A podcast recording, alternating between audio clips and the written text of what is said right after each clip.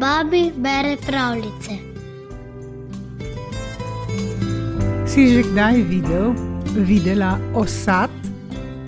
Ta trnova rastlina s prelepimi modro-vijoličnimi cvetovi raste ob robovih gozda in ob poteh. Na škotskem ga upodabljajo v grbu in na bankovcih. Kajti škotom cvet predstavlja nedostopnost in trmo, v skladu z njihovim prepričanjem: Nihče mi ne bo nekaznovano škodoval. Prisluhni Andersenovi zgodbici o tem, kaj je doživel osad. Pred krasnim dvorcem je bil lep vrt, v vrtu pa drevesa in cvetlice, kakršnih ne vidiš zlepa. Gostje v tistem dvorcu so občudovali drevesa in cvetlice, ob nedeljah in praznikih pa so iz okoliških vasi prihajali ljudje in prosili, da bi smeli videti vrt. A ne samo to, prihajali so tudi celi razredi šolarjev, da bi si ga ogledali. Zunaj vrta, tik ograje ob poti, je rasel velik osad. Rasel je tako lepo, da so mu iz korenin pognala mnoga stebla in se je razvil v pravcati grm.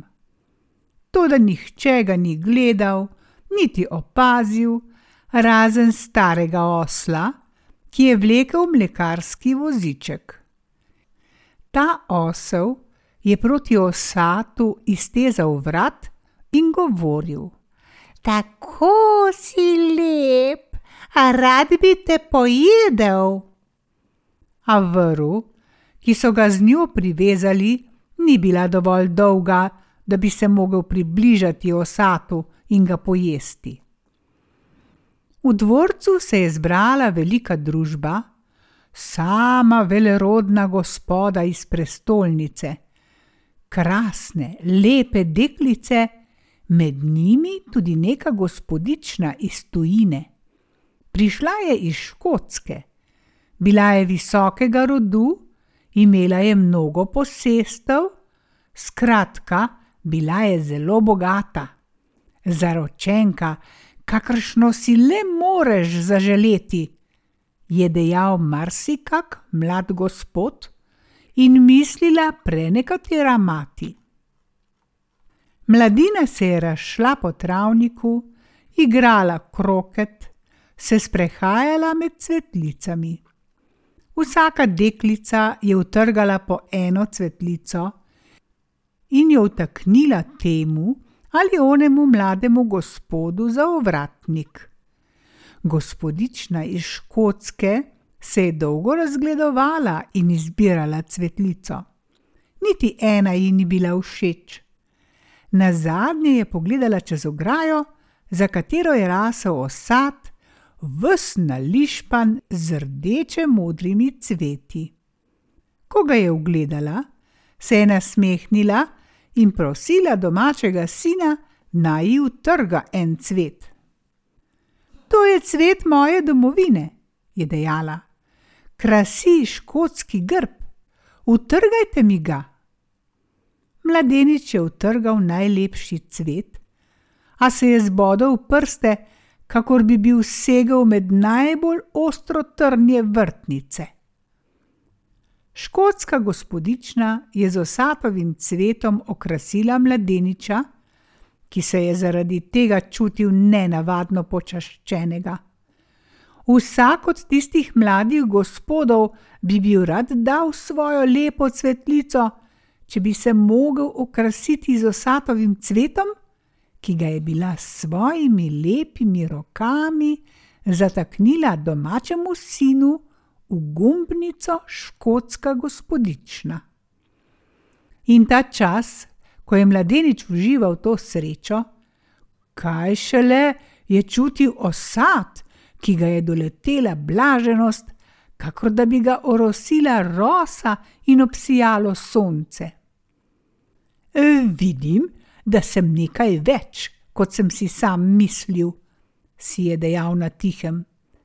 Pravzaprav spadam noter, on stran ograje, a ne pred njo. Na svetu je sama krivica. No, zdaj je vendar eden mojih notri, pa še celo v gumbnici. Ta dogodek je povedal vsakemu popku, brško se je pokazal in razpočil. A toliko, da je poteklo nekaj dni, je osad zvedel, pa ne od mimoidočih, ne od ptic ali iz njihovega čivkanja, temveč od samega zraka, ki valovi in daleč naokoli širi glasove iz najbolj skritih stes na vrtu in soban v dvorcu, takrat, kadar so odprta vsa vrata in okna. Od samega zraka je zvedel, da je mladenič, ki je iz lepih rok škotske gospodične dobil osatov cvet, dobil zdaj tudi njeno roko in srce.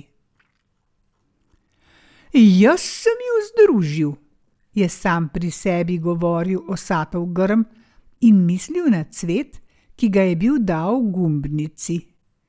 In o tem dogodku je pripovedoval vsakemu novemu cvetu, ki se je razcvetel. Gotovo me presede zdaj na vrt, je na tihem modroval osad. Morda me dajo v cvetlični lonec, to pa bi bila največja počastitev. Osad se je v to misel tako uživel, da je do dna prepričan dejal: V cvetlični lonec pridem. Vsakemu in tudi najmanjšemu cvetku je obljubljal, da pride tudi on v lonec, a morda celo v gumbnico, na najvišje mesto, ki ga je moči doseči. Toda noben cvet ni prišel v lonec, niti v gumbnico. Njegovi cveti so še dalje vdihavali zrak, se kopali v svetlobi, podnevi usrkavali sončne žarke, se po noči pokrivali z roso, cveteli in sprejemali obiske čebel in sršenov, ki so srkali medico. Razbojniki, je upil osad. Uh, da ne morem vsakega posebej zbosti s svojim trnjem. Cveti so sklanjali glave in veneli, a spet in spet so vzcveteli novi. Prihajate, kakor naročeni, je govoril osad. Vsak trenutek pričakujem, da pridemo noter, na ono stran ograje. Okoli njega je raslo nekaj nedolžnih marjetic in trpotcev, ter ga zamahnjeno poslušalo. Verjeli so mu, da je vse res, kar pripoveduje. Stari osel, uprežen v mlekarski voziček, pa je z roba poti poželjivo gledal osad, a vrv je bila prekratka, da bi ga mogel doseči.